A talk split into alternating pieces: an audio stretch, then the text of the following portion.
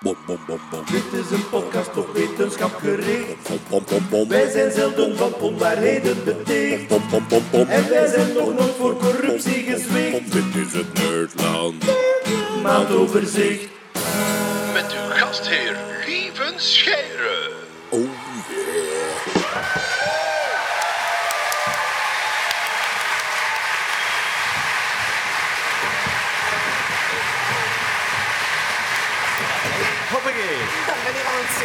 Daar zijn we.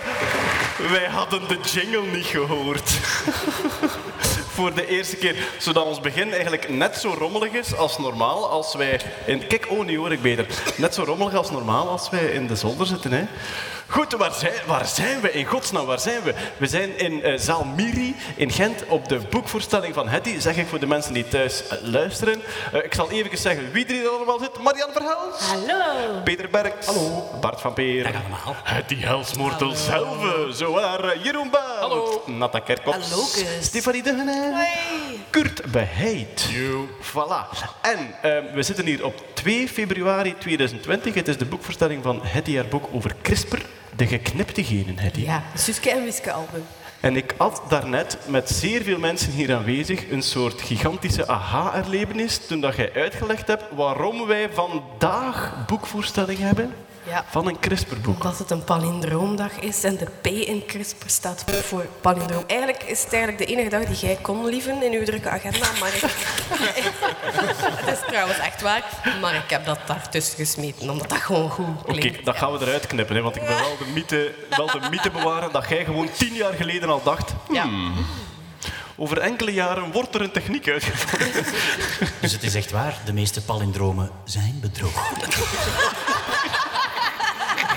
Ja. ja. En de gouden jas 2020. Eh, Bart, ik kan er alleen maar van zeggen, eh, dat is te vroeg. Zo'n mop, die test je eerst op mij. Eh, was er een medische noodzaak voor die mop? En pas op, ik twijfel er niet aan dat we dat in de toekomst gaan doen, maar goed. Dus voor de mensen die thuis luisteren, Jeroen heeft cue-cards gemaakt met zinnen die sowieso moeten voorkomen bij een CRISPR. eh, Verhaal. ja. Heb je ook een klinkt als China eh cue-card? Die zal ik uitbeelden op een niet-racistische manier. Jo, pas op, dat wordt moeilijk. Goed, dus wat gaan we doen? Eh, elk van ons heeft een onderwerpje mee dat te maken heeft met CRISPR, soms iets ruimer met genetica. En eh, ja, Hetty, dan gaan ze dat aan u uitleggen, voorleggen. Dan ontstaat er een soort boeiende dialoog. We gaan op Dit is, zoek. dit is eigenlijk een soort interventie om mij allemaal tegen Hetty te zeggen... Hetty, we snappen dat niet, hè. We weten dat het een revolutionaire techniek is. Ja, om snel en goedkoop, dat hebben we onthouden, man. Het is de eerste podcast dat niemand van ons gaat snappen wat hem zelf uitlegt. En we hebben echt allemaal keihard moeten studeren deze week. Keihard gezocht naar de link ook. Nu weten ze hoe het voelt, professor Verhels. Mijn examens zijn net gedaan deze week. Ja, maar ja, als jij zegt mijn examens zijn gedaan, bedoelde examens afnemen. Ja, Ja, oké, voilà. Dat is de luxe positie van de professor natuurlijk. Goed, maar eh, we gaan er gewoon aan beginnen. En ik ga eigenlijk gewoon beginnen met zelf een onderwerpje op te werpen. Want Hetty, ja, ik heb zelf mij al een beetje ingelezen in CRISPR. Eh, jij hebt er heel veel uitleg over gegeven op de podcast. Ik vat de theoretische kant wel, Dank dus van goed. Je hebt dat eiwitje, ja, maar ja, je, hebt, je hebt dat eiwitje, dat gaat op zoek naar een stuk DNA en dat knipt dat weg. Maar vanaf dat wij praten over eiwitten, moleculen, dan komt er altijd toch het besef, je kunt dat niet zien, je kunt dat niet vastpakken. Mensen werken daar dagelijks mee in een laboratorium, maar die werken niet met iets dat ze kunnen vastpakken en ergens opzetten. Dat is het samengieten van dingen. Dus vraag het mij nu af, valt dat nu aanschouwelijk uitleggen, stap voor stap. Je hebt een laborant die met dat eiwit een stuk DNA wil aanpassen. Wat doet die juist? Wat houdt die vast? Eh, zeer weinig, zoals dat we hier kunnen zien. Dit is eh, de Do-It-Yourself CRISPR-kit die je van Josiah Zayner, de biohacker, online kunt kopen voor 150 euro. Ja, wel een, tiental is- objectjes ja, eigenlijk. Een, een pipet zit daarbij. Ehm, wat je eigenlijk doet, is een aantal dingen samenkoppelen. Veel meer is het niet. En de moleculaire biologie doet voor de rest zijn werk. Dus wat je eigenlijk doet, hier eh, kun je bacteriën aanpassen om die resistent te maken aan een bepaald antibioticum. Ja. Dus je- Handig. Met handig. Met CRISPR knipt je eigenlijk, of je past een gen aan, waardoor dat die niet meer sterven van dat eh, antibioticum, maar dus overleven. En dat doe je eigenlijk gewoon door in die bacteriën, daar hebben we nog een slide over mee, de code voor uw CRISPR-eiwit op een plasmide te coderen. Een plasmide is een circulair stukje DNA. Dus een stukje DNA-code op een cirkeltje, Ja. maar dat moet je bestellen ergens. Ja, dat bestel je gewoon online bij Agene of bij... eh, eh, Coolblue? Cool. Die leveren, dat is gemakkelijk. die Zalando. Ja. Maar dat, dat, is, Ja. dat is dan toch een beetje de, de essentie van de techniek. Dat er bestaan bedrijven die dat voor ons kunnen bouwen. Ja. Je kunt je DNA-code intikken of Ja. copy-pasten, bestellen. En die hebben een apparaat. Het is mij ooit uitgelegd hoe het werkt. Hè. Ze beginnen met één letter. En al, ja, ze, hebben een soort, ehm, ze hebben een soort raster waar allemaal puntjes op zitten waar letters aan kunnen hechten. En dan sp- overspoelen ze dan met de letter A Ja. met een slotje op. Ja. Zodat er geen vijf letters A op elkaar staan. Dan spoelen ze die slotjes eraf. En dan overspoelen ze het met de letter T. En dan weer het slotje eraf enzovoort. Is dat gelijk een vierkleurendruk dan? ja. Maakt ook het geluid van een dot matrix. Dat is gewoon vreselijk ambetant om DNA te maken. Maar dus je geeft dat gewoon in in je computer en de volgende dag ligt dat in uw brievenbus of de brievenbus van het labo. Dus wat je op die, dat, dat zijn die cirkels dat je daar ziet. Hè. Je codeert daar eigenlijk de code voor het Cas9-eiwit, voor die schaar. Je codeert het stukje voor het gids-RNA, dat is dat klein stukje dat aan die schaar hangt en op zoek gaat naar waar het moet gaan knippen. Uw gids-RNA is het codeke dat moet gaan zoeken Ja, om weg te knippen. GPS. Ja. inderdaad. En dan brengt je allemaal in een bacterie. Hoe brengt je dat daarin? Je kunt die celwand van die bacterie verzwakken door bijvoorbeeld warmte, een warmteshock, of met elektroporatie, dat is dan met een elektrische schok. Die wand gaat open, die plasmiden komen daarin en dan doen die hun werk. Dan wordt dat Cas9-eiwit geproduceerd, wordt dat gids-RNA geproduceerd, die gaan aan elkaar gaan hangen, die gaan op zoek naar dat DNA. Dat is wat het in praktijk is. Even concreet, Ja. uw Cas9-eiwit Ja. dat de knip uitvoert. Dat zit niet in uw pipet. Dat wordt pas gemaakt Ja. in de bacterie. Ja, in dit geval wel. Er zijn ook andere methoden waarbij dat het echt al gemaakt is, dat het al geproduceerd is en geoogst is uit Ja. bacteriën onder andere. En dan het, het, het kant-en-klaar in uw pipet steken, dat kan ook. Er zijn een aantal verschillende methoden, maar eigenlijk gaat het om twee of drie handelingen en een beetje wachten. Oké, dus ik ga, ik ga me even inbeelden. Hè. Ik zit in een eh, laboratorium, Ja. zelfs een thuislabo, Ja. als ik het goed begrijp. Gewoon een wetlab thuis, kun je al mee aan de slag. Ik heb ehm, E. coli of ik heb gistbacteriën. Ja, pakt E. coli. Ja. Ja, en ik wil die bacteriën een extra eiwitje geven dat die groen fluorescent wordt. Ja.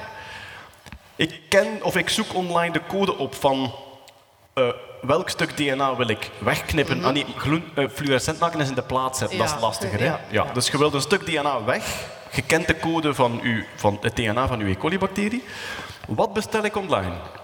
Een plasmide, dus een cirkelvormig DNA, waar dat de code voor uw Cas9-eiwit in zit. Dat stuk maakt enkel Cas9-eiwitjes. Oké. Ja. En een plasmide, waar dat de code voor uw gids-RNA in zit.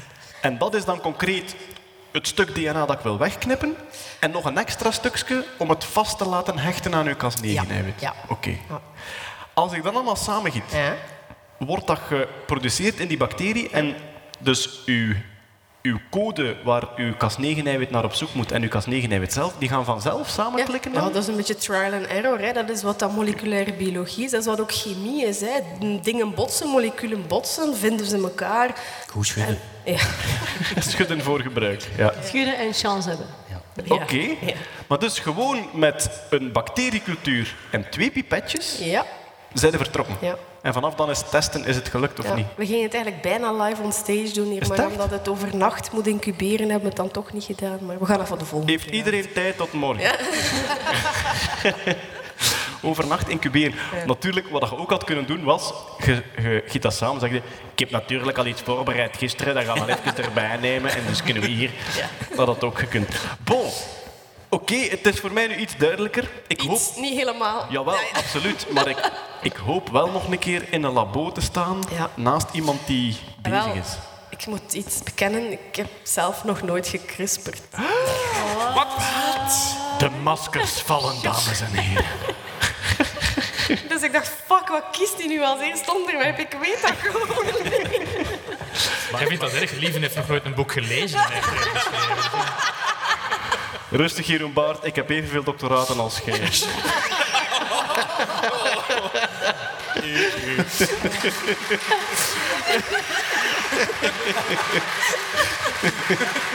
In de categorie onder de gordel met lieve Scheire.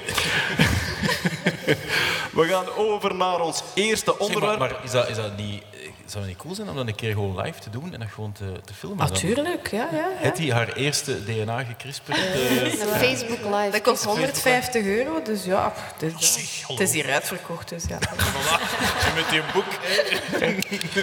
Op Sound of Science zouden we live Oh, kunnen ja. crisperen. Oh ja. En dan heb je beginnen vrijdag en overnight. dan- Ja. We beginnen Ah vrijdag. ja, want het is s'avonds. Ja. Ja, ah, voilà. ja. We beginnen vrijdag en zaterdag de resultaten. Oh, en Ja. de mensen moeten dan wel een duo-ticket kopen.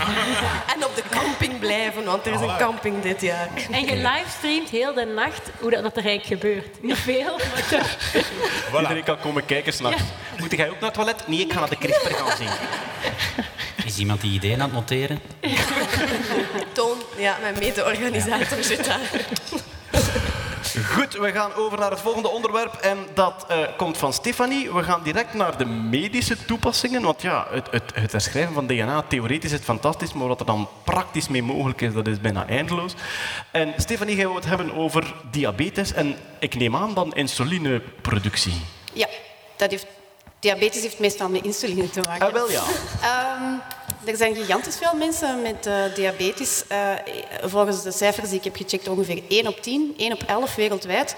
De meerderheid daarvan zijn mensen met diabetes type 2, die dus niet per se insulineafhankelijk zijn, maar dat geeft heel veel miserie. Het is dus allee, gewoon iets wat heel vaak voorkomt.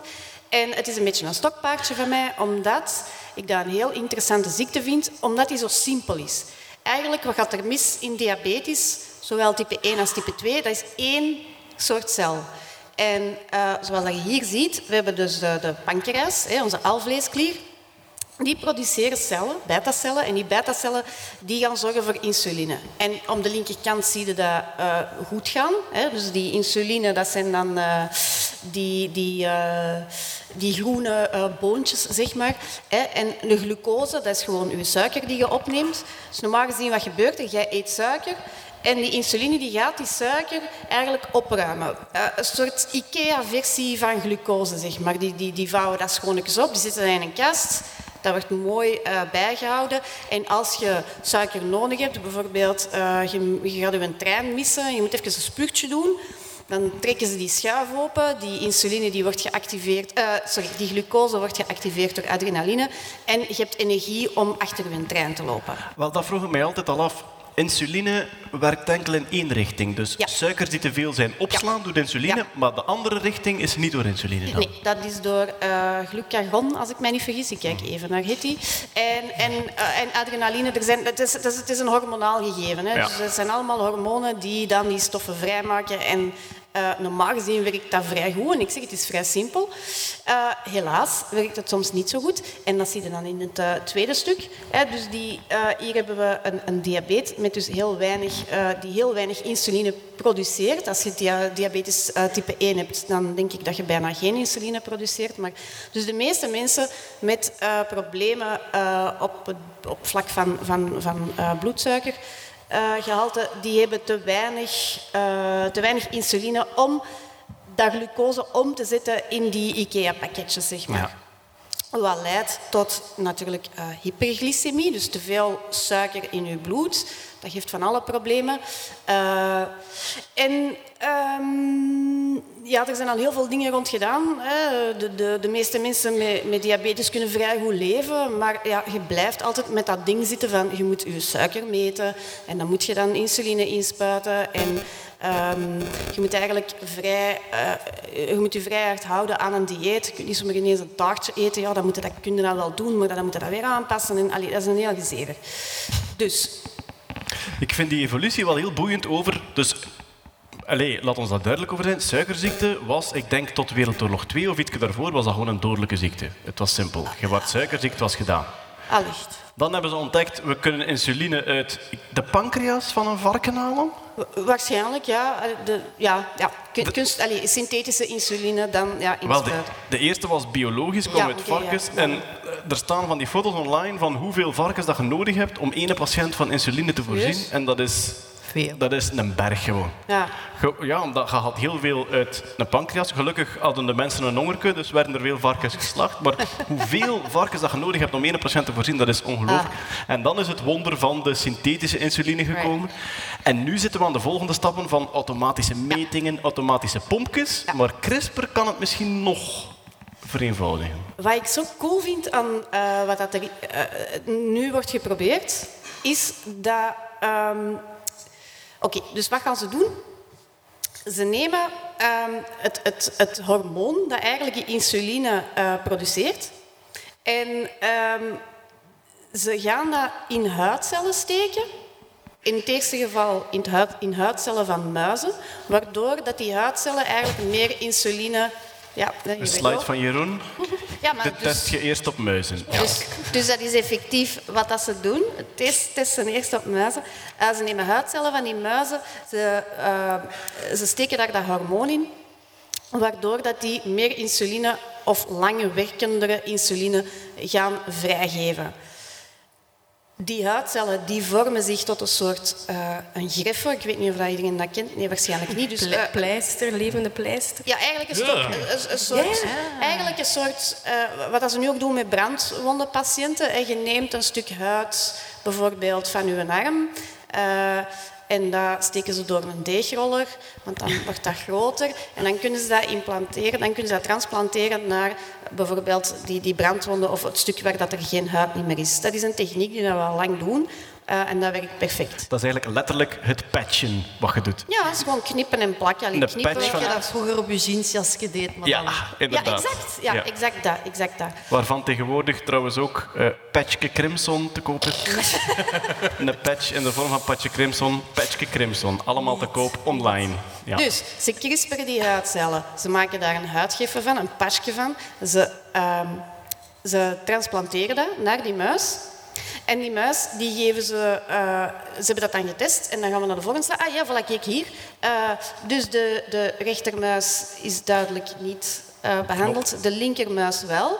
Die heeft een, een heel klein uh, huidgriffetje, een heel klein pasje gekregen, waardoor dat hij meer insuline krijgt in de bloedbaan, waardoor dat de suiker wordt afgebroken. En het gaat dus echt niet alleen over mensen met suikerziekte, want uh, er zijn ook heel veel mensen met metabole stoornissen, die, uh, dat noemen ze dan een soort, een soort pre-diabetes, dus mensen die eigenlijk gewoon suiker niet, kunnen, niet goed kunnen verwerken. Ja. En die insulineresistent zijn. En uh, zeker in de Verenigde Staten is er een obesitas-epidemie, zeg maar. De, dit zou een, een, oplossing kunnen zijn. Um... Ik kan er niet aan doen, maar die rechtermuis is echt een perfecte computermuis. Nou ja, ik was echt het denken... Scroll, scrollwieltje tussen de oren, klaar. Maar gaat, gaat, gaat linkermuis, klik, rechtermuis, klik. En dus het lukt in muizen. Uh, wat ze ook al hebben geprobeerd, is om diezelfde huidgriffes, datzelfde patchje, met menselijke huidcellen te gebruiken en dat te transplanteren op die muizen. En dat werkt dus ook al. Dus dat is ook al goed. En dan de volgende stap zou dan zijn om het op mensen te proberen natuurlijk. Maar dus de, de huidcellen nemen dan... Zijn insuline producerend? Um, nee, GLP-1 produceren. Voilà, het ah, produceren okay. het hormoon waardoor dat de pancreas insuline aanmaakt. Omdat die daar niet zo goed in is vanzelf. Je verandert die huid een beetje in pancreasfunctie. En dat kleefde dan Een pancreas-stimulerende functie ah, eigenlijk. Ah, ja, ja, ja. ja, ja, ja. Het is zo een van die biochemical pathways waarin allemaal stofjes samenkomen, Ja. mixen tot iets nieuws, die weer terug naar daar enzovoort. En aan een van die componenten sleutelt je met CRISPR. Dat is, dat, is dat dan, is dat dan zo'n voorbeeld van uh, hoe dat je wel tot bij een bepaald weefsel geraakt van buitenaf? Ja. Ja. Huid is ook vrij goed bereikbaar. Hè. Dat geeft dat dan af in het bloed natuurlijk. Dus ah, ja. dat is ja, inderdaad toch weer bloed. Een, ja, uiteraard. ja, weer via bloed. Hè. Ja. Uh, toch een manier. Dus, ja. en, en eigenlijk ook een voorbeeld waar dat je het aanpast, maar het niet doorgegeven wordt naar de volgende ja. generatie. Je hebt goed geluisterd, maar ja. ja want het is belangrijk dat je kinderen wel suikerziek zijn. Maar er zijn, er zijn nog andere mogelijkheden. Ehm, er zijn nog andere mogelijkheden. Een van de dingen die ze ook hebben geprobeerd, dat ging eh, over eh, eh, cocaïneverslaving. Eh, dus Via weer, patches. ja, ja, ja. Weer bij muizen. Hè, maar ze hebben dus... eh, Typisch muizen. ja. Typisch iets voor mij. Ze hebben muizen verslaafd gemaakt aan cocaïne. Dan hebben ze die ook een, een, een patch gegeven. Dus dezelfde technologie. Je neemt een patch huidcellen, je neemt huidcellen. Je steekt daar iets in. In dit geval een soort resistentie voor de, gevol, voor de, de effecten van cocaïne. En die, plante, eh, die implanteerden bij die muizen, waardoor dat die muizen eigenlijk een, soort, een, een beetje immuun worden voor de gevolgen van cocaïne. En wat, dat ze dan hebben, allee, wat dat ze hebben gezien bij die muizen, is dat die muizen effectief niet meer op den duur niet verslaafd niet meer gera- Ja, want- waren. Het, is een stof die cocaïne afbreekt Ja. in het bloed voordat het de hersenen bereikt. Ja, wou dus je ze krijgen geen effect niet meer van die cocaïne. Dus uw hele beloningssysteem valt weg. Ja, valt weg. Valt weg. Het is gelijk antabuven of zo, maar dan zonder het overgeven.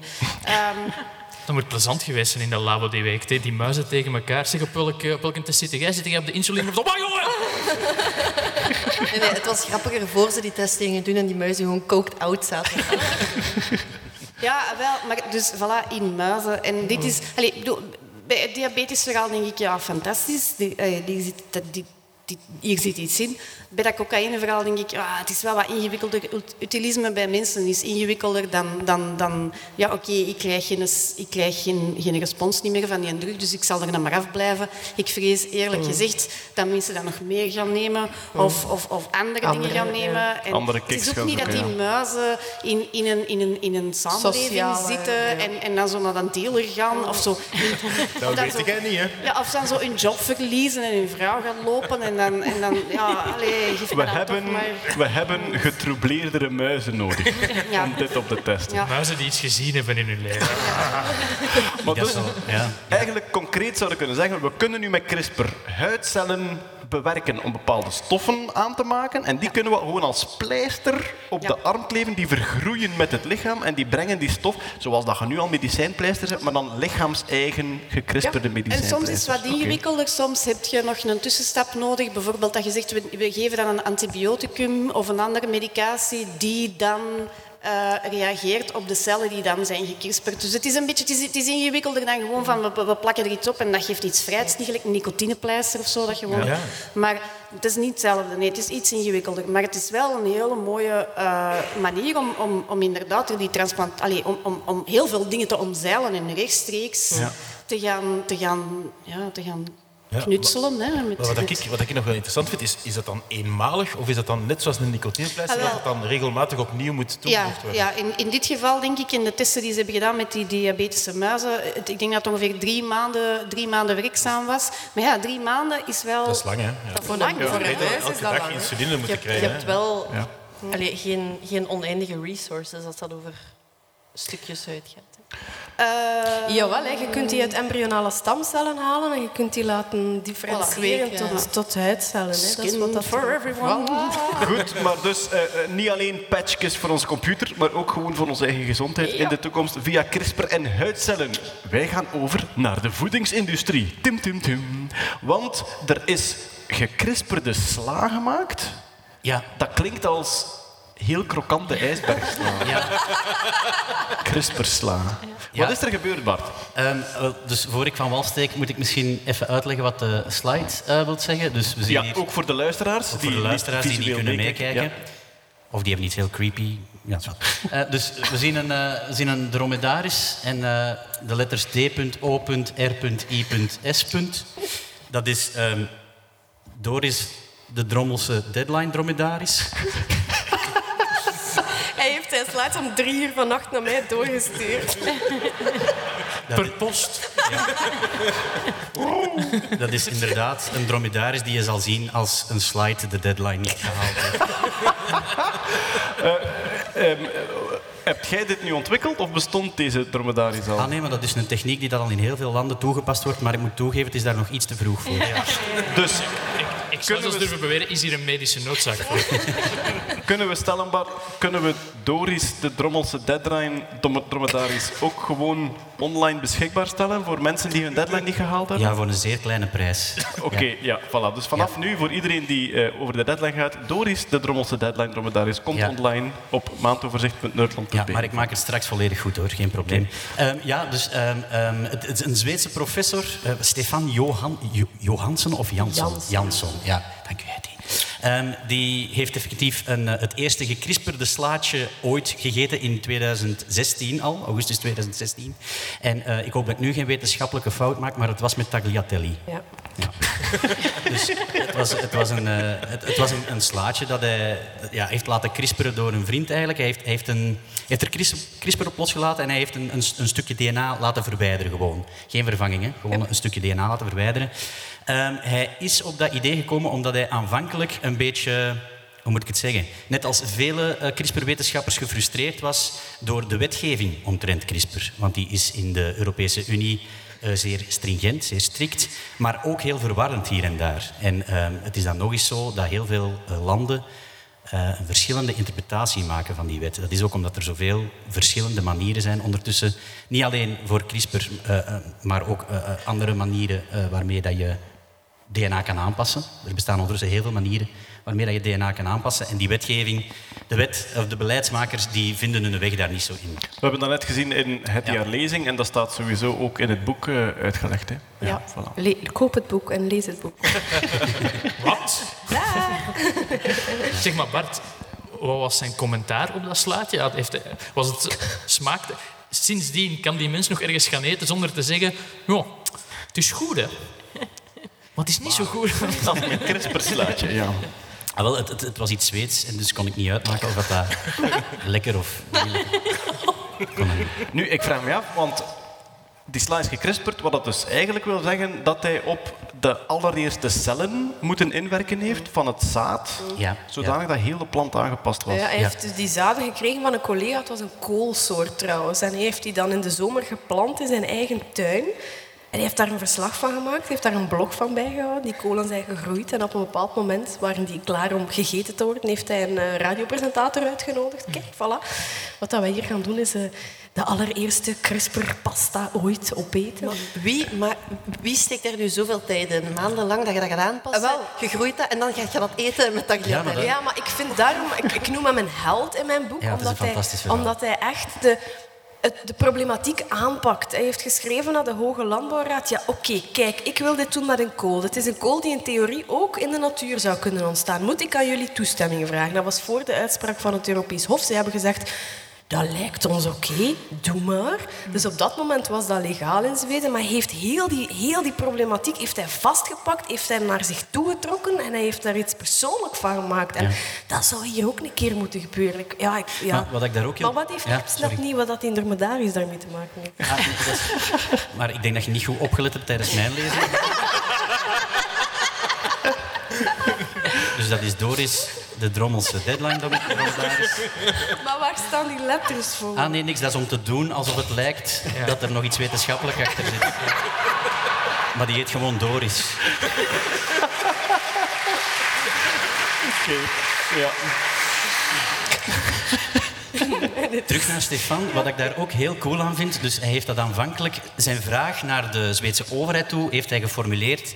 Eh, niet aan de hand van het, de sla die hij uiteindelijk heeft opgegeten, maar aan de hand van de zandraket. En dat is een klein plantje dat blijkbaar veel gebruikt Ja, wordt heel veel. in genetisch onderzoek, Ja. omdat het een hele korte levensspanne heeft. Hier aan de UGent, misschien zijn er mensen zelfs in de zaal die dat ermee bezig zijn of die dat ervan weten. Hier aan de UGent wordt er ook eh, mee geëxperimenteerd. Wie foefelt, wie foefelt er hier met de slaven? de Met? Arabidopsis thaliana. Ja, ja. Het is een modelorganisme eigenlijk. niemand Ja. daar? Ja. Een beetje? On the side. On the side.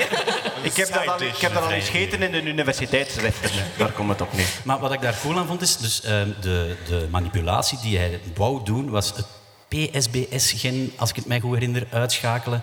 En eh, dat is een gen dat codeert voor een eiwit dat helpt bij de fotosynthese. Een soort van noodmechanisme als uw gewone fotosynthese niet meer goed marcheert. Eh, dus dat ging hij kapot maken. Wat is daar het voordeel aan? Als dat eh, gen kapot gemaakt wordt, die een offspring, of die, plantjes die, dat, die dat een kapot PSBS-gen hebben, die produceren minder zaden. Dus mocht die plant ooit in een soort van Frankenstein-achtige woede het lab uitlopen en zich willen repliceren, dan gaat hij geen bestaande populatie kapot maken. Zandraket is heel humeurig ook, hè, dus ik kan dat Ja. wel. Ja. Nee, maar hij had, om maar te zeggen over hoeveel dingen dat hij had nagedacht. Ja, ja, en over hoe, hoe, hoe hard dat hij zijn experiment eigenlijk al ontmijnd had van commentaar. Ja. Op het moment dat hij de vraag stelde aan de Zweedse overheid van mag ik dat doen? Maar Zijn, zijn sla had geen nageslacht of had geen... Allee, Jawel, maar minder. Baby's. minder. Het zou weggeconcurreerd worden in het wild. Kan er iemand eten en zeggen van, "Mm, is er nog? Ja. Maar eigenlijk is hij toch een beetje de, de Ge van, Van de, de moest- planten. van de moestuin. Eigenlijk. Ik weet het niet. Technisch wel, maar ethisch niet, want hij heeft niet op mensen gewerkt. En hij heeft op voorhand toestemming Ja, gevraagd. exact. Voilà. Belangrijk. Aan de andere kant, we weten niet welke freaky koolbaby's dat er in die tuin rondlopen. Nu, ik, eh, eh, ik ben vanmorgen kwam ik bij mijn neef Frederik, ik heb er al over gepraat, die in China gewoond heeft, heeft nu een Chinese AFS-student die bij hem thuis verblijft dit jaar. Dus ik dacht, nu moet ik toch eens vragen hoe He Jiankui of Ge Jiankui, hoe dat je dat juist uitspreekt. En ik ben het terug vergeten.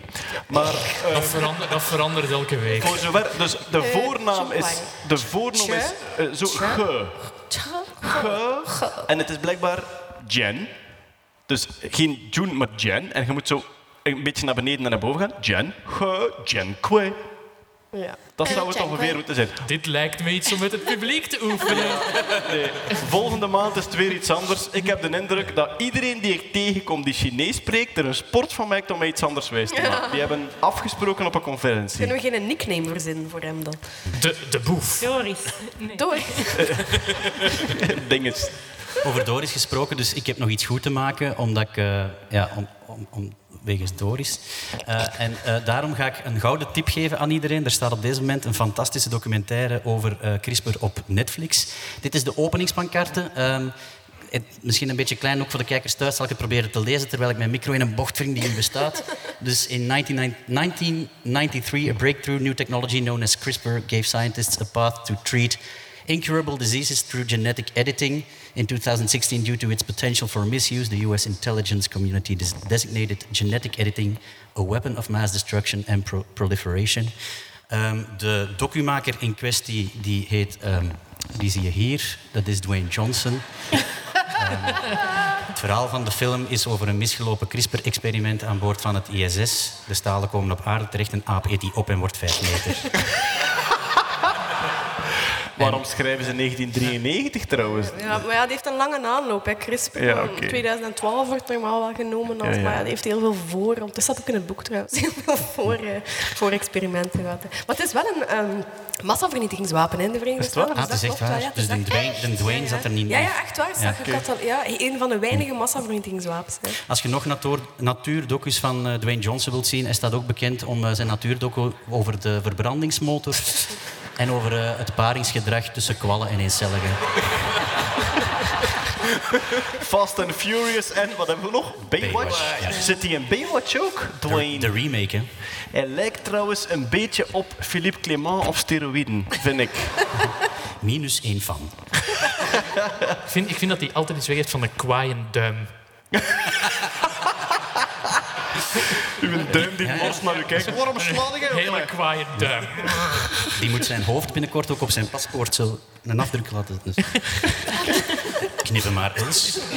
Ja, het is live, dat gaat niet. We hebben sla gehad. We hebben ook gekrisperde tomaten. Natta. Ja, ik dacht dat ik het nooit ging vragen, lieve, maar we kunnen inderdaad ondertussen...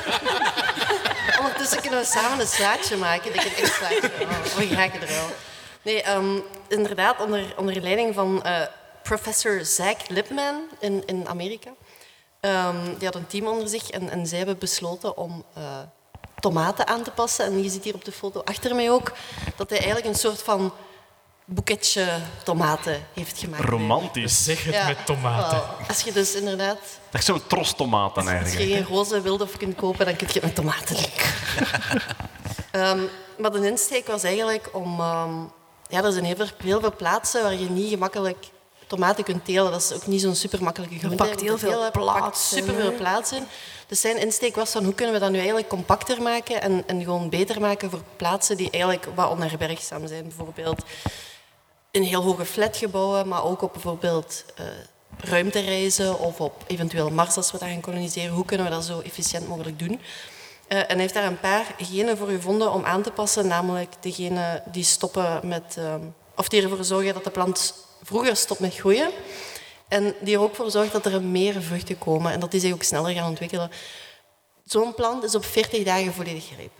Ola, dus we kijken nu echt naar een soort... Ja, een tros kan moeilijk inschatten hoe groot dat is, maar het is twee handen vol. Ja, het zijn kersttomaatjes wel. ja, twee handen vol kersttomaatjes die heel compact groeien. Waarschijnlijk komt dat maar 20, 30 centimeter boven de grond dan. Zoiets, ja. Een klein struikje dat echt vol hangt met Ja. vruchtjes. Beetje druifgewijs. Ja. Ja. Ja. Maar dus het belangrijkste doel is plaatsbesparing. Als we bijvoorbeeld in een ruimteschip echt groenten willen laten groeien. Zijn insteek is niet per se op, op, op ruimtereizen, hoewel NASA wel had gezegd dat ze interesse hadden. Ehm, maar het gaat eigenlijk veel breder, hè, want bij CRISPR... Het is super sexy om te denken van ah, we CRISPRen op mensen en hoe kunnen we mensen beter maken. Maar het idee van voeding is gewoon super belangrijk voor ons. Ook met klimaatopwarming. Hoe kunnen we planten heel compact maken? Hoe kunnen we ervoor zorgen dat die droogteresistent worden, zodat we dat in de toekomst ook kunnen gaan gebruiken? Dat staat bij de K van een kwart minder water. Dat alfabet is zo'n foefelarij. Maakt het niet beter. Staat bij de L van laat ons eens het hebben over tomaten. Ah, die staat bij de J van jaarlijks een kwart minder water. Goed systeem. Ja. Staat dat niet bij de O van ongeveer jaarlijks? Of bij de Z van, ziezo, dat zit erop. Dat is een slecht idee. Bij de W van wie weet er nog een letter van het alfabet dat meer weet te beginnen. Je had er uw boek niet mee moeten beginnen, het, die met het alfabet is. Nee. Het staat in het midden, hoofdstuk, hoofdstuk 6.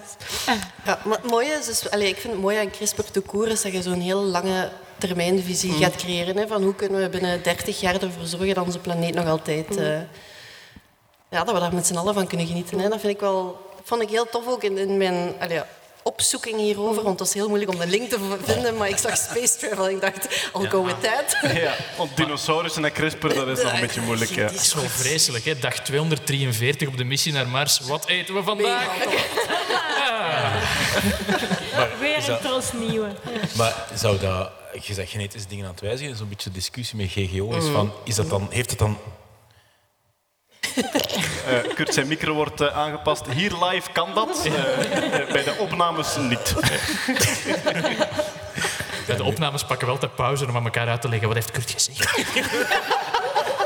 En dan ga ik zo in recursie Te vragen. Is de, nick, is de nickname Recurt, zie ik? Nee. Het valt mij ook vandaag trouwens steeds meer op. Ik ga dat gewoon een Kurt, pintje drinken, wacht. Als Kurt lacht, dat hij keihard lijkt op Georges-Louis Boucher, Maar de nieuwe voorzitter van de gezegd. MR. Ja. ja, ja. ja. Ah, wel, maar kijk, kijk maar. maar. Je moet wel voluit lachen, hè. Je zou een ideale informateur zijn. Ga vooral verder. Ik had ook zo'n karaoke-strui, Ja. hè? Nee, dat is Joachim Koens. Ja, voilà. Je, je, je verwart twee super charismatische mensen. Hoeveel levels recursie hebben we nu al aan het doen geweest? Jij bent begonnen over. Ik denk wel dat de ene mutatie is van de andere. We gaan resetten naar het onderwerp zelf. Tomatoes in space. Ah ja, ik weet niet wat ik wou zeggen. Ehm, hier komt hij. Nee, ehm, maar ze zijn dus wel eh, genetische dingen aan het aanpassen. Ehm, net zoals bij GGO's hebben ze daar al een beetje een impact van wat dat eigenlijk op de mens kan doen. Want je bent andere dingen aan het innemen. Hoe ver kan dat overgaan of niet? Of is dat net zoals een giftige bes of zo, dat je weet van ja, dit is een tomaat, die is niet niet. giftig Allee, of zo? ik gebruik altijd de boetade. Het is niet omdat je plant kanker heeft dat je daar zelf ook kanker van krijgt. Allee, ja. Wat ben, je, wat ben je een vrolijke meid. Je wisselt geen DNA uit met die plant. Nee, ook voilà, niet, je wisselt daar geen DNA mee. Allee, ik weet niet wat dat jij doet met die tomaten. Het kan eenzaam worden op die SSN.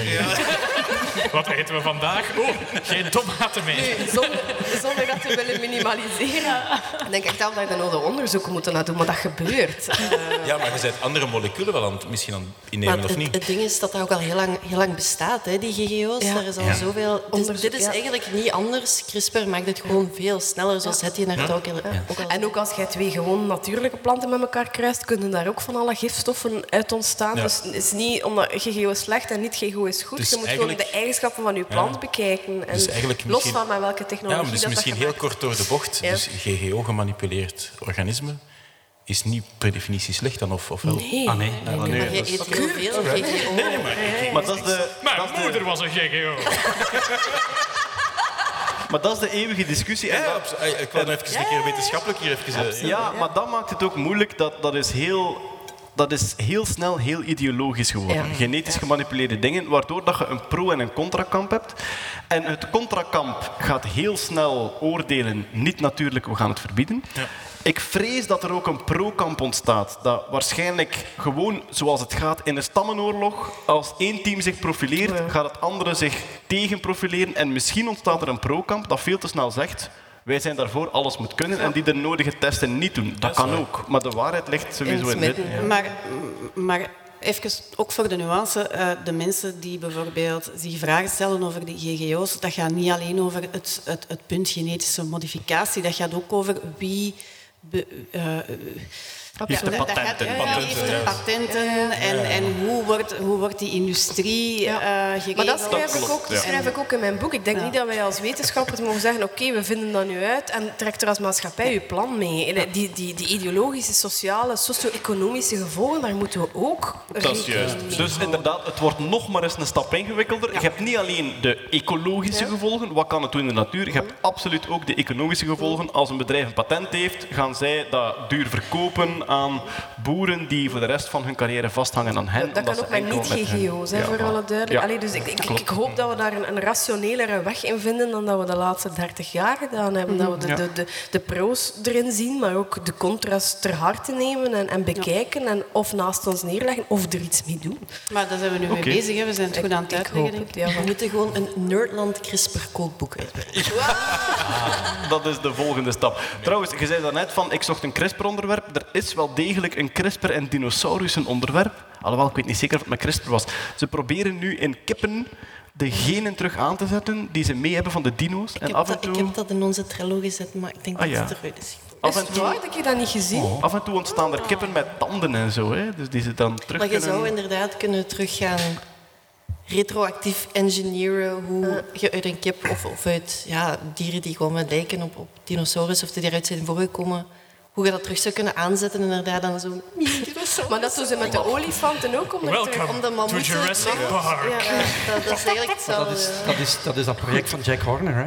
Jack Horner? Jack Horner, ja. En die probeert de kip... De Chickenosaurus, ja, die dingen de- ja, dus een dino maken uit een kip. Stel u Door voor, al die genen terug, want hij gaat ervan uit, die genen zijn niet verdwenen, die zijn gewoon stilgezet, uitgeschakeld. Ah, ja. Die zijn er nog, dus gewoon een kwestie van die terug aan te schakelen. Maar ze hebben geen dino-DNA om dat mee te vergelijken. Bij de mammoet hebben ze dat wel. Ze hebben Ja. mammoet-DNA. Ja. Ze kunnen zien wat is het verschil met de olifanten en wat moeten we het verschil doen. Maar met die dino's, toch? Ja, maar hij zegt, ja, maar Gewoon kijk, theoretisch. men is het er nu over eens dat vogels eigenlijk dino's zijn. Hè. Maar Ja. de, de Dus chicken... gewoon trial and error. Ja, en, ja, ja, kijken. ja. en dan krijgen we allemaal van die chicken-sized dinosaur. Ik, oh man. Maar waarom? Met pluimen, hè. Omdat het kan niet. Ja. Dat het kan, waarom niet? Ja. Is dat niet waarom wij Zeg, alles doen? en, en geen referentie. Er zijn wel vijf films beeldmateriaal hè, waar je perfect kunt zien hoe dan een dinosaurus eruit ziet. Ja, voilà. Ja, dat klopt. Dus misschien toch ooit een Jurassic Park. Alleen, waarschijnlijk kenden ze die theorie, maar was het beginbeeld van een kippenboerderij iets te saai. In a world that was never explored. Chicken run. Bo. We gaan over naar het volgende onderwerp. Ja, we zitten hier met twee computerwetenschappers, eh, Jeroen en Marian. Elektronicus is geen computerwetenschap. Ja. Ik denk dat we op burgerlijk ingenieurteentjes getrapt hebben. Er gaat een golf door de zaal. Nee, maar het klopt absoluut. ja. Bij u is het hardware. Ja, klopt. Dus hardware, eh, chipfabrikant enzovoort. Bij Jeroen is het vooral de software, vooral de grafische software, maar ook algemener, dat soort dingen. Maar ik mag wel zeggen, in jullie beide vakgebieden, hardware en software, AI is the Ja. talk of the town. Dat is het nieuwe mechanisme.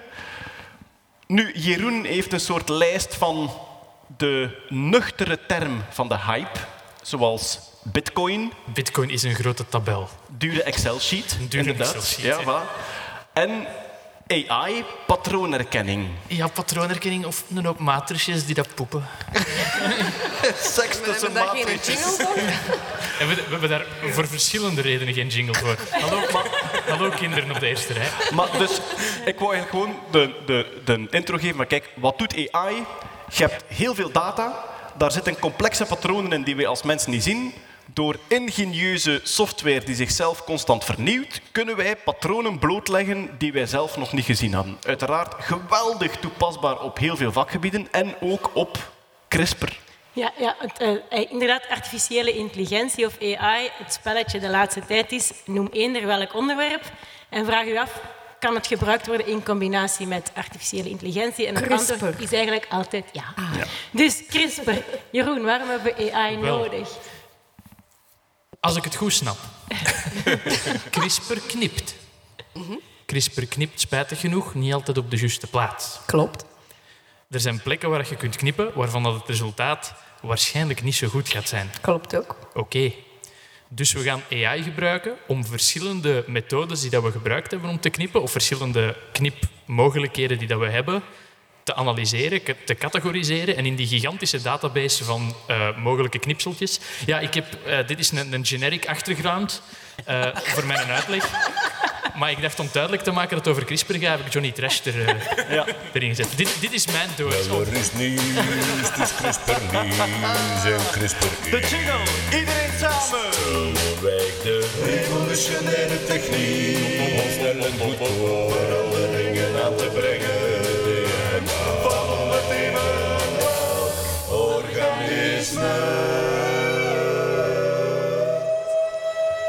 Dit schept een band hoor, moet ik nu wel zeggen. Het schept een band. Is dat zoiets geworden dat telkens als we die naam zeggen, dat die een jingle gaat spelen? Want dat is nou wel gevaarlijk.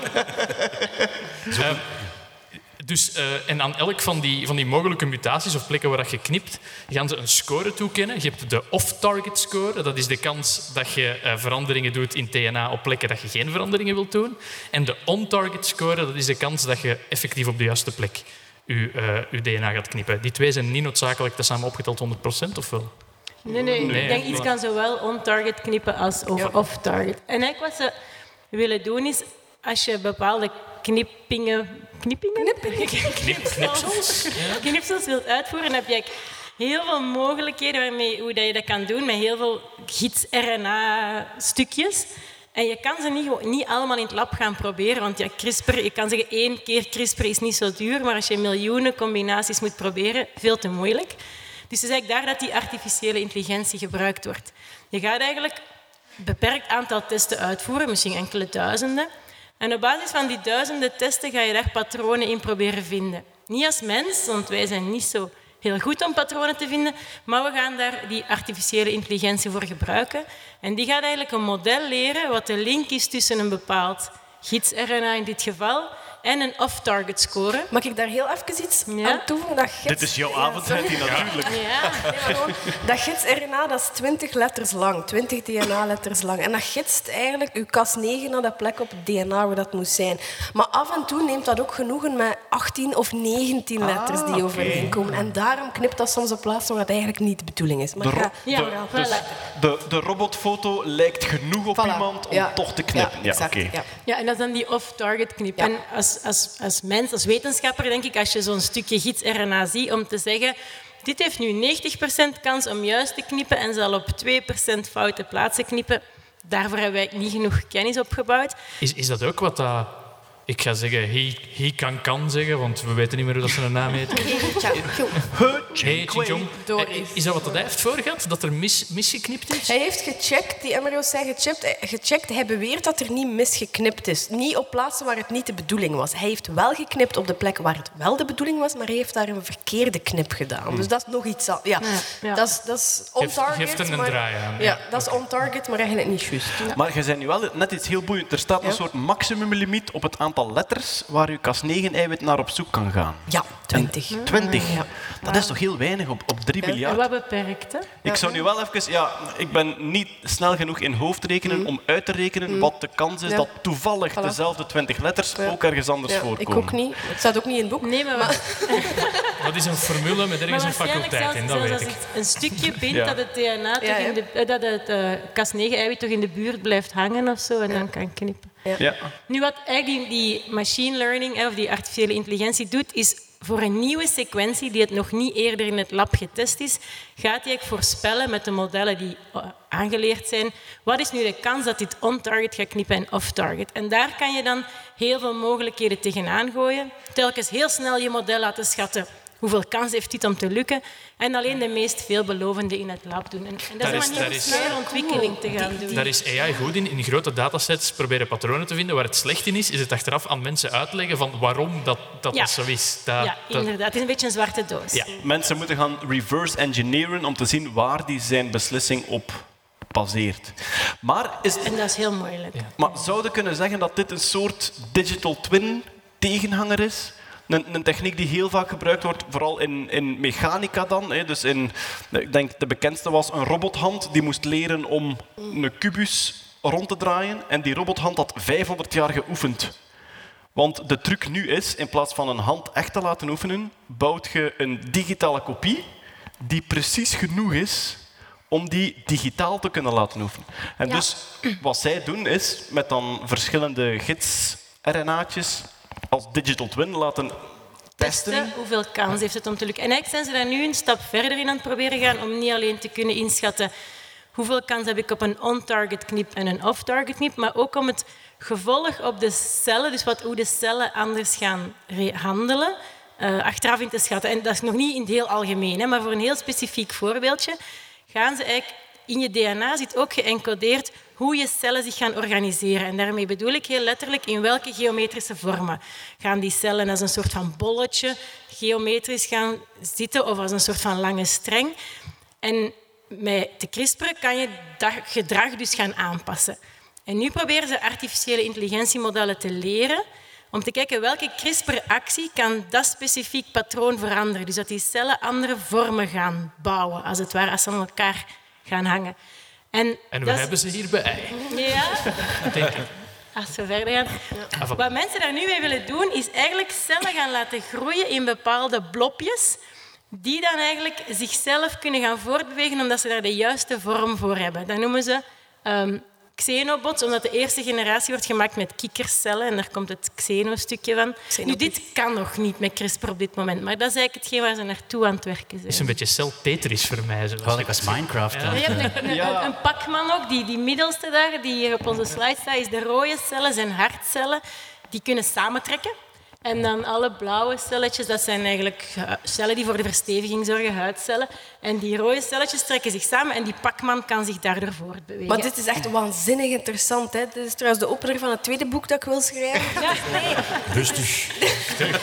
Dit is echt de grens opzoeken tussen leven en niet leven. Ja. Dit is echt hartcellen en huidcellen van kikkers nemen om die in, z- in zo'n conformatie samen te zetten dat dat nooit natuurlijk zou kunnen Maar- ontstaan, maar- maar, dat die dingen gaan doen die wij gaan voortbewegen of, of zo, zigzag. Ik vind dat waanzinnig interessant. Ik ga er even over zeggen, dit is nieuws van deze maand. Ja. Ja. Dus met kikkercellen zijn er piepkleine robotjes gebouwd. Dat komt sowieso in onze podcast, onze maandelijkse podcast. Dus daar Ja. gaan we daar echt tijd voor nemen om hier... Ja. Deze doen, we, deze doen we alleen op palindroomdagen. Dus, uh, onze duizend, duizendjarige podcast. Maar, maar ik vind dat op zich ik weet niet interessant, want eigenlijk wat je nu aan het doen bent, is in een computermodel eigenlijk moleculaire biologie aan het Dat nabouwen. is toch kei cool? Ja. Op een gegeven moment, ooit, ik weet dat er een bepaalde discussie is binnen de nerdlanders. Ja, op een bepaald moment komen we tot een volledig computermodel van een levend organisme. Mogelijk. De simulation? Ah, ja. Ah, de simulation. Ja, zou dat dan, is dat dan... Ja, we zijn wel die richting aan het uitgaan, of niet? Of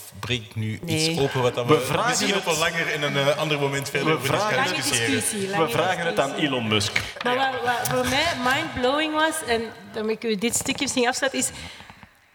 Als je dit kan bouwen, dan denken wetenschappers eraan om dit soort rare blopjes, een rugzakje te geven aan medicijnen of zo, die kunnen in jouw lichaam iets naar de juiste plek brengen, maar hebben het voordeel dat eh, je moet die geen energie of, of batterijtjes of weet ik veel wat geven. Tien dagen lang kunnen die dingetjes blijven bewegen en voortgaan.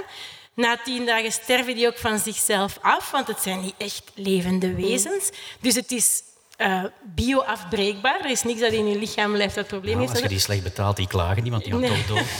Dus ik vind het gigantisch interessant. Nu, deze zijn nog niet met CRISPR gemaakt. Hier hebben ze de celletjes minutieus aan elkaar moeten naaien. Daar zijn hele leuke filmpjes van. Ehm, dus hier heeft alleen de artificiële intelligentie de vormen, de beste vormen voorspeld. Eh, en dan maakten wetenschappers die bijna 3D-printen in het lab.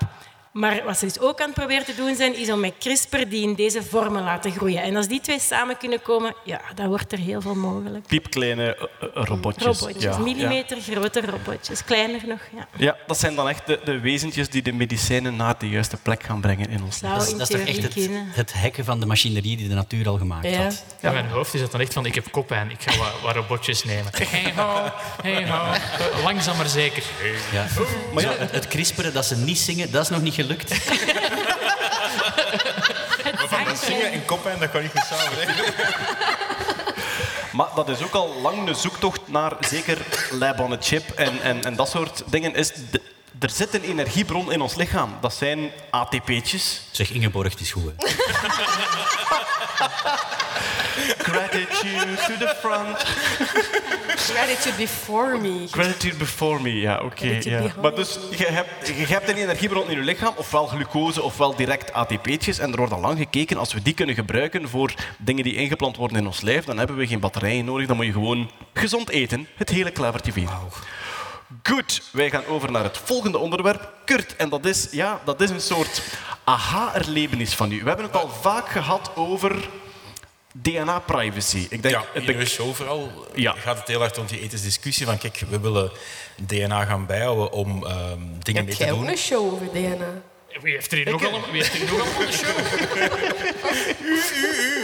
Ehm, nee, maar je hebt langs de ene kant heb je heel veel toepassingen daarvan. Bijvoorbeeld, eh, ja, politie gebruikt dat heel veel ehm, om, om op de crime scene dingen te gaan, eh, een dader te gaan identificeren. Of eh, bijvoorbeeld 23andMe om te gaan kijken van, ehm, eh, ik ben een donorkind, ik zou graag mijn, eh, mijn, mijn andere, mijn familie gaan detecteren. Ehm, het probleem met DNA op te slaan is, er zit heel veel informatie en we weten daar momenteel nog niet veel van. We weten wel de kleur van ogen, maar bijvoorbeeld misschien dat daar ge- geaardheid ook uit te halen is. Of Maar dus eigenlijk concreet, stel dat de politie een database heeft enkel om u te identificeren als je misdaad pleegt, dan is het gevaar, iedereen die daar toegang tot heeft, kan in de toekomst ook naar al uw eigenschappen gaan kijken. Voilà. Naar uw En- aanleg, naar uw geaardheid, Absoluut. naar En- talenten, naar dat soort dingen. En ja. dat is, dat is een heel eh, politieke discussie natuurlijk over het feit over privacy. Maar met een simpel voorbeeldje, en rond heel de vingerafdrukken en toestanden ook. Een simpel voorbeeldje is een anekdote eh, uit de, de aanloop van de Tweede Wereldoorlog. En ehm, in Amsterdam bijvoorbeeld zijn er significant veel meer Joden opgepakt dan in de rest van Nederland. Waarom was dat? Omdat eigenlijk Amsterdam vanuit een goed bedoelde ehm, insteek, die zei van ja, als mensen sterven in eenzaamheid, willen we die een goede begrafenis geven. Weet je wat, we gaan van iedereen het geloof registreren. Dus er was gewoon een databank van geloof van alle inwoners van Amsterdam. Heel handig voor de Duitsers. Wie zijn de Joden? Hoppa, opgevraagd, klaar. Om maar te zeggen dat je eigenlijk ehm, niet kunt voorspellen van wat dat je allemaal vrijgeeft als je DNA bijvoorbeeld geeft. Of je een whatever, politiek. Dus denk ik, vanuit een, eh, eh, computerinzicht van ehm, eigenlijk je wachtwoord, wat dat je op een website ingeeft, dat is ook niet goed als een database of een website dat eigenlijk leesbaar gaat opslaan. Er bestaan computeralgoritmes en dat heten hashing-algoritmes, die dat eigenlijk dat wachtwoord als leesbare input pakken en dat verhakselen tot iets wat dat wel uniek is, identificeerbaar is, maar niet meer zinvol is. Daar zit, eh, dat is een, een een opeenvolging van, van letters en cijfers waar dat je eigenlijk niks uit kunt opmaken. Ehm, en dat is eigenlijk die unieke niet-zeggende code. En met als grote extra voorwaarde is dat je nooit terug kunt gaan. Je kunt niet van die niets uit niet-zeggende code, kunt je niet meer teruggaan naar het wachtwoord. Dus op het moment dat je een tweede keer je wachtwoord ingeeft op een website om jezelf eh, te identificeren, dan wordt terug die niet-zeggende code, maar die uniek is, eh, gemaakt. En die wordt vergeleken met wat er in een database zit. En op die manier kunnen ze checken van, ah ja, is dat wachtwoord juist of niet? Die persoon mag binnen of niet.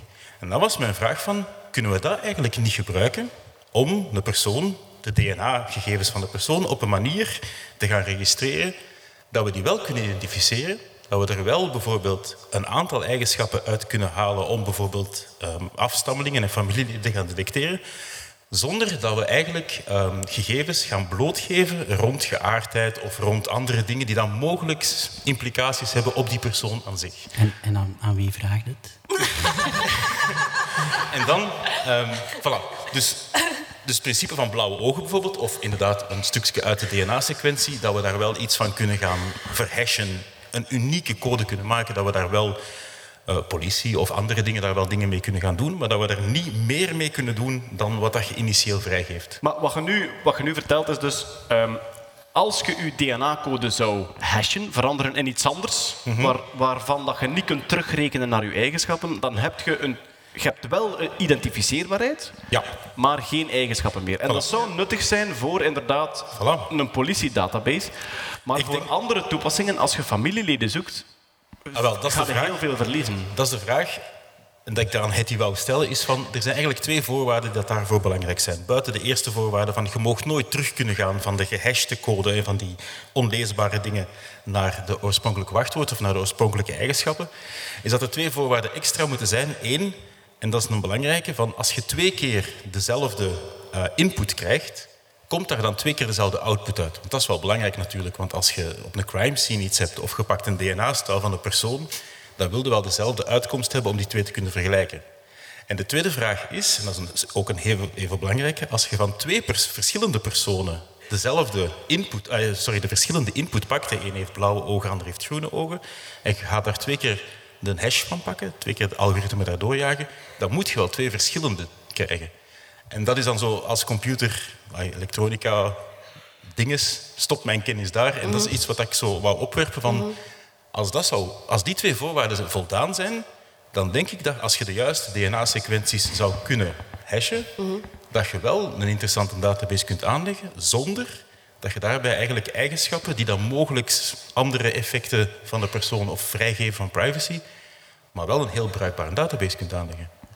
Ik, denk dat dat echt de vraag is waar we nu mee zitten. Als jij in de afspraak zat voor je boek, vroeg Farah ook, wat vind jij, moeten we zo'n DNA-databank aanleggen? Dan zegt jij, ja, omdat het misdaden zou kunnen oplossen. Nee, omdat we daarvoor terug kunnen gaan naar eigenschappen waarvan we nu nog niet weten waar dat ze zitten, maar waar dat ze misschien ooit bekend worden. En als jij een regime krijgt, zoals in Kuwait, waar er nog altijd celstraf op homoseksualiteit staat, als zij dat gaan kunnen bekijken, ja, dan moeten we het niet doen. Maar dus ben ik gaan opzoeken hoe identificeren eh, op een crime scene of zo eh, wij eigenlijk mensen. En dat is eigenlijk eh, op die manier. Dus Sowieso die eerste. Ja. Klaar. ja. Klaar. Dus, maar dus het die op een crime scene wordt niet de volledige 3 miljard letters nee, uitgelezen. Nee, en wel. En dat is wat er hier staat. Dus eigenlijk, wij zijn 99,99% van ons DNA is gelijk. Anders Ah ja, zouden wij anders geen mens zijn. anders zouden we drie ogen bijvoorbeeld Voilà, of zo, heel- ja. heel Of een andere- banaan. Ja, van Ja. dat is waar. Ja. Maar er zijn hypervariabele regio's in ons DNA waar dat er wel verschillen zijn. En dat zijn diegenen die hier op de slide afgebeeld staan. Dat zijn eigenlijk repeats, opnieuw, herhalingen van kleine sequenties. Dus bijvoorbeeld daar van boven heb je die AGAT-sequentie. In de eerste persoon komt dat zeven keer voor. Ja? In de tweede persoon zit dat maar vier keer, in de derde persoon zit dat twaalf keer. En we hebben eigenlijk een aantal van die regio's, eh, tientallen, waar dat we dus eigenlijk niet de letters verschillend zijn, maar het aantal keer dat die vier lettertjes voorkomen verschillend zijn. Dus, je kunt, dus dat doen ze op een crime scene, dat doen ze met Delphine Boel en Koning Albert. Dat is gewoon die repeats vergelijken, omdat wij daar zodanig verschillend van zijn. Dus als jij dit in je hashing-algoritme zou kunnen steken, aantal keer repeats op 20, 30, 40 regio's, dan denk ik dat we er wel bij Ja, of, of, of zijn. meerdere hashes maken van de Ja. personen. Dat je zegt van die Of zelfs regio... alleen die hypervariabele regio opslaan, want die heeft niks te maken met onze eigenschappen. Zitten die regio's altijd op dezelfde plaats? Want wat dat er destructief Of zou zijn voor zo'n hashing-algoritme is, als die regio's lichtjes zouden shiften, dat je per ongeluk wat dingen mee hebt van het vorige of, of een stuk... Maar CRISPR Dus, zit er eh, ook niet altijd op. Hè. Dat is, dat is zo de, de toogcommentaar als iemand over CRISPR begint. Pas op, ik heb gehoord, die CRISPR zit er ook niet altijd op. Ze. Ja, ik heb mij gehoord dat er een boek van uit is, maar...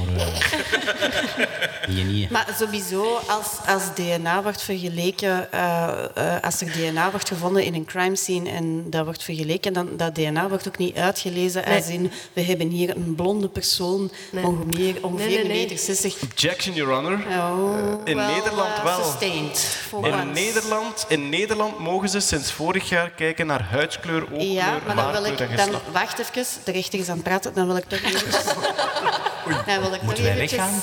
dan wil ik toch eventjes het bewijs dat dat effectief al op die manier is gebruikt om een verdachte te identificeren. Want dat denk ik niet dat al gebruikt is. Maar, maar er is Het is toegestaan. Het is toegestaan, maar het is veel te veel werk. Dus eigenlijk wat er gebeurt is, je vindt DNA op een, op een crime scene en je vindt niet gewoon DNA op een crime scene, want je vindt... Allee, als, als, als, wij hier, als er hier vandaag een moord gebeurt, ja, begint maar te zoeken. Hè, iedereen zijn DNA zit nu op de stoelen. Hè. Je weet het, hè?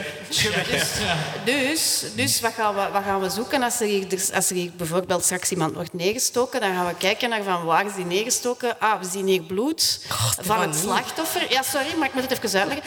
Is eh, bloed van het slachtoffer. En kijk, we hebben hier nog bloedsporen van iemand anders. En dan ga je daar dat DNA van onderzoeken. En dan ga je dan daar ga je proberen te, te vergelijken met mensen die in een database staan. Er is echt nog niemand, op geen, en- zelfs niet in de Verenigde Staten, die gaat beginnen met dat, dat DNA uit dat onbekend eh, bloedsample te gaan analyseren en zeggen van ja, we hebben hier een man tussen Maar de het komt er 50 misschien 60 aan. jaar.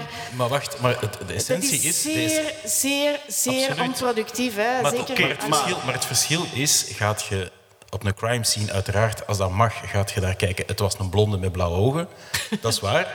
Maar gaat je, het gaat hem over het systematisch opslaan op voorhand van... Ja, de database van onschuldigen, gaat het. daar gaat het over. Nu, of het een man of een vrouw is, kijken ze sowieso naar. Het is heel simpel. X- en Y-chromosomen, dat is gemakkelijk.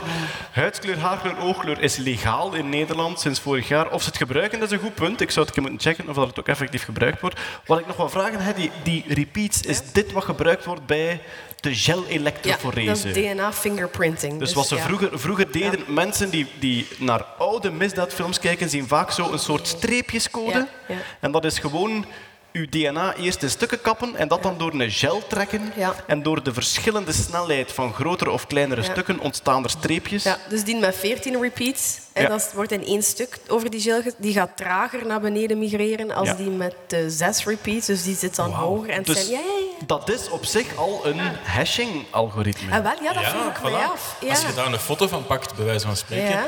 Maar dan heb ik goed nieuws voor u. Kurt, de database van de Belgische politie is gebaseerd op die gel-elektroforese. Dus de Belgische politie zal niet uw genoom opslaan, maar uw, patroon, uw streepjes. voilà. Momenteel digitaal, maar uw streepjespatroon. Dus, Dus het eigenlijk, probleem is opgelost. bij de Belgische politie is het al gehashed. En als je dat vriendelijk vraagt, dan kun je die streepjescode krijgen en dan kun je daar een schoon kleedje van. Oké. De, de Belgische politie met iets in orde. Goed, we gaan over naar ons laatste onderwerp van vanavond. En dat gaat over insectjes. Hemeltje lief. Van wie zou dat zijn? Ja. Peter Berks, jij hebt nu toch... Want iedereen zat een beetje van... Hoe ga ik nu een goede CRISPR-toepassing vinden in mijn vakgebied? Jij bent nu toch op een beauty gestoten, Dat is echt, zeg. hè? En, en het leuke is, we hebben nu eigenlijk allemaal van die ehm, echt maatschappelijk ah, praktische dingen gevonden, maar uh, het u- had daar straks... En bij u is het ik weet niet. Maar ehm het had er straks in haar talk ook gezegd, er, er is ook heel veel eh, potentieel voor fundamenteel onderzoek. En dit is er zo eentje van. Dit gaat eigenlijk gewoon over, over hoe kunnen genen nu eigenlijk een lichaam bouwen. Daar, dat, dat eigenlijk is het onderzoek van hoe, hoe, zitten, hoe zitten die stappen in elkaar. Je kunt dat natuurlijk niet op mensen gaan doen. Ai, daar is het nog te vroeg voor. Ja, sorry, sorry. Jij bent nu te laat. Ik was, ik was Jij bent nu te gehypnotiseerd laat. door die vlinders. Sorry, ik kan er niet aan doen. Dit Dat is te vroeg. is te Dit is, vroeg. dat is te laat hier. Er is geen medische noodzaak voor. Nee, dit is eerst op mensen, maar pas op in de toekomst. We gaan er voilà, nu beginnen. Voilà, dankjewel Jeroen. Dank je wel. Maar goed, dus we kunnen dat wel op vlin- vlinders doen. En het interessante aan vlinders is, die hebben zo'n hele mooie kleuren, hele mooie patronen. Dus je, gaat dan kijken van, goed, ehm, in dit geval hebben ze dus, ik ga even eh, verduidelijken, hebben ze gebruik gemaakt van het geslacht of het genus Heliconius. Hele mooie tropische vlinders, de rupsen leven van passief bloemen. En die beesten zijn allemaal giftig. Vandaar dus de kleurtjes. Dat ging opeens heel snel naar beneden. Jeroen, Ja, rustig. maar- Peter is aan het woord. Niet onderbreken. Ja, niet onderbreken. Dat, dat hadden we afgesproken. Enfin, goed. ehm, dat is de reden waarom die zo van die mooie kleuren hebben. Dat is eigenlijk gewoon advertising van pas op jongens, ik ben giftig, eet mij niet op. Nu, ehm, dat is een vorm van mimicry. En je hebt verschillende soorten mimicry. Dit is Mulleriaanse mimicry, waarbij verschillende giftige dieren eigenlijk allemaal op elkaar lijken. Je hebt in tegenstelling tot Bates mimicry, waarbij onschadelijke dieren Op een giftige. giftig beest proberen na te bootsen. Ja. Waarom nemen ze dat? Die dieren lijken ongeveer wel allemaal op elkaar, die soorten, maar de patroontjes of de kleuren zijn anders. En ze willen nu gaan kijken van, zijn dat nu in al die genera, want ze ze nemen dan ook nog andere dingen, maar in dit geval, in dit genus, zijn dat overal dezelfde genen die verantwoordelijk zijn voor die verschillende patronen, voor die kleuren en voor die patronen. En hoe zit dat in elkaar? En wat hebben ze dan gedaan? Daarvoor gebruiken ze dan CRISPR, want wat moet je dan doen? Je kan met CRISPR die genen gaan uitschakelen en dan kijken wat er gebeurt. Is dat wat ze noemen een knockout? Ja, dat is een knockout. Dus knockout wil eigenlijk gewoon zeggen, we gaan dit gen nu een keer uitzetten, al de rest laten we hetzelfde en we zien wat er gebeurt, dan ontdekken we veel over de functie van Dat dit is gelijk als je een plan springt, dan doe je alle... Ja, die Ja, ja, voilà. Ja. Kunnen we dat nog aanpassen in dat boek?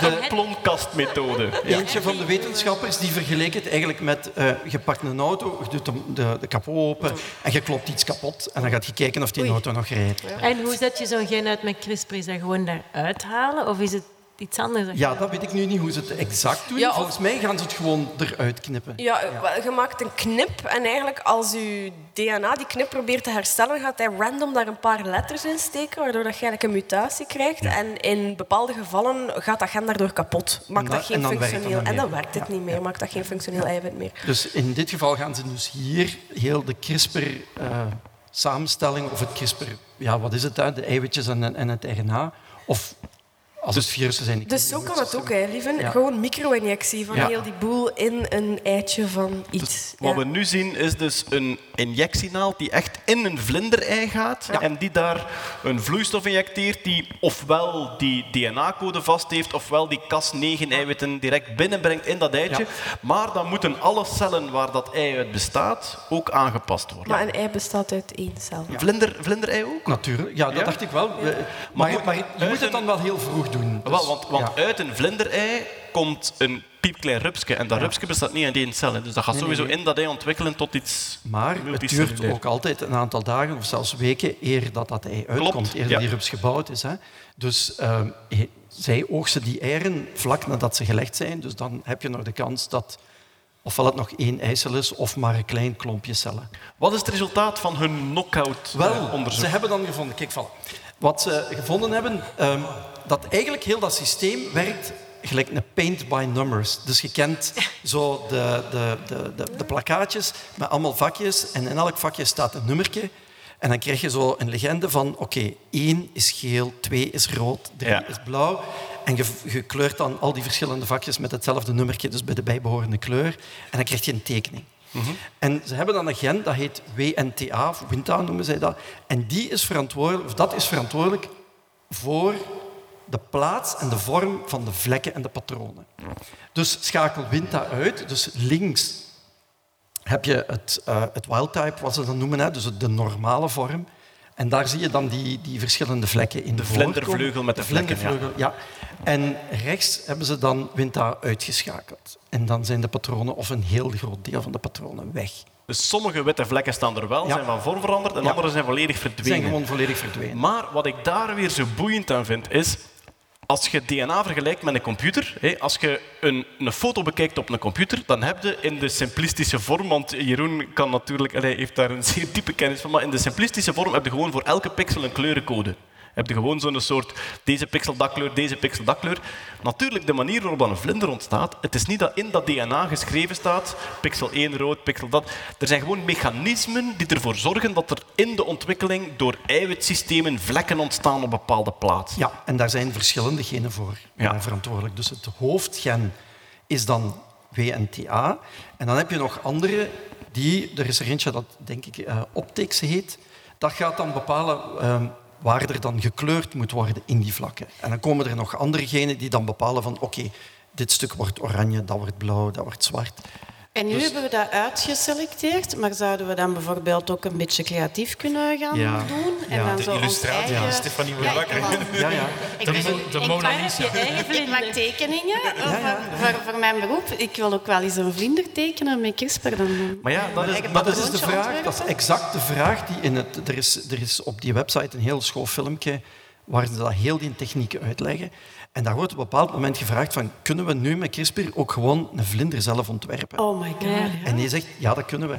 Maar, moeten we dat doen? Maar moeten we dat doen? Ik ga er even iets bij zeggen. Ik kan een linkje leggen naar Kurt zijn hashing. Als zijnde, als je een DNA-code schrijft, dan zou je met heel veel kennis van de genetica van vlinders die we nu nog niet hebben, kunnen uitrekenen welk patroon ervan komt. Maar omgekeerd, een patroon tekenen en terugrekenen naar Ja. welk DNA heb je nodig om dat te maken, is veel moeilijker. Dus je zit met een gehashte vlindervleugel, dus je hebt heel veel rekenkracht nodig om dat waarschijnlijk ooit te kunnen. Maar, maar enk- enkel en alleen als die vlinder een misdaad pleegt. Ja, dat is ook waar. Ja. Of het- veel trial and Ja, error. maar het schone is, om, om de een term vanuit de computertechnologie erbij te gooien, hoe dat ze dat hashes proberen te hacken, dit is heel nerdy, maar dat doen ze met rainbow tables. Oh.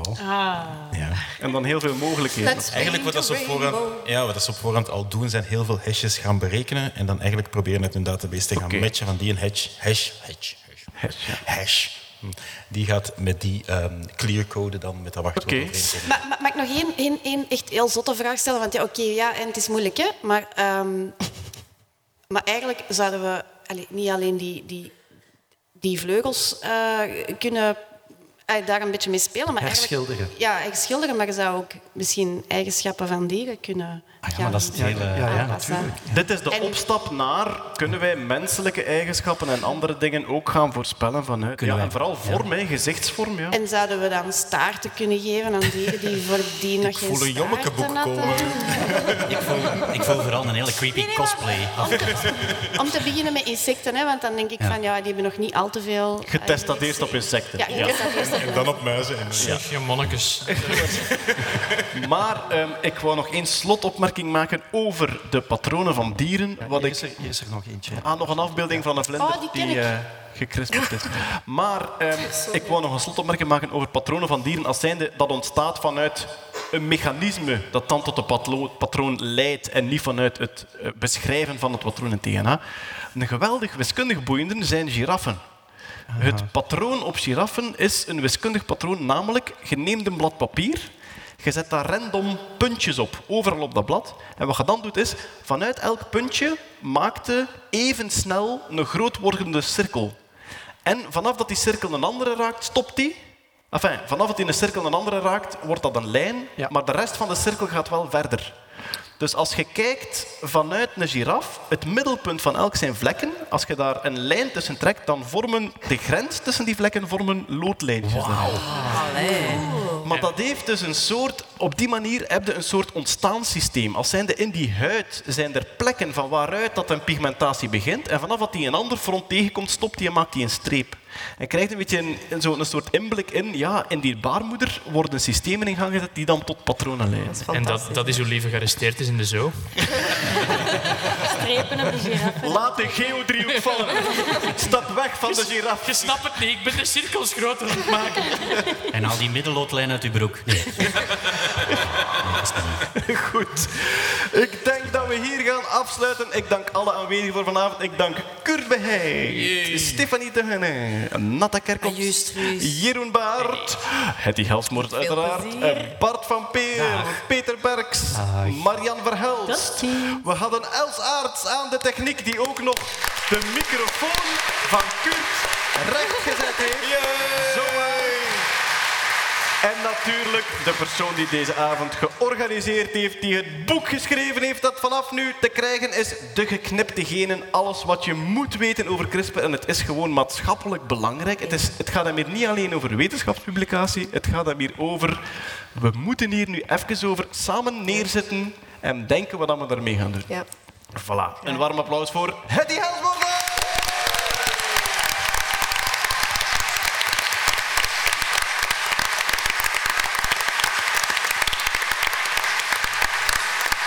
Dit was de Nerdland Live. Tot volgende keer!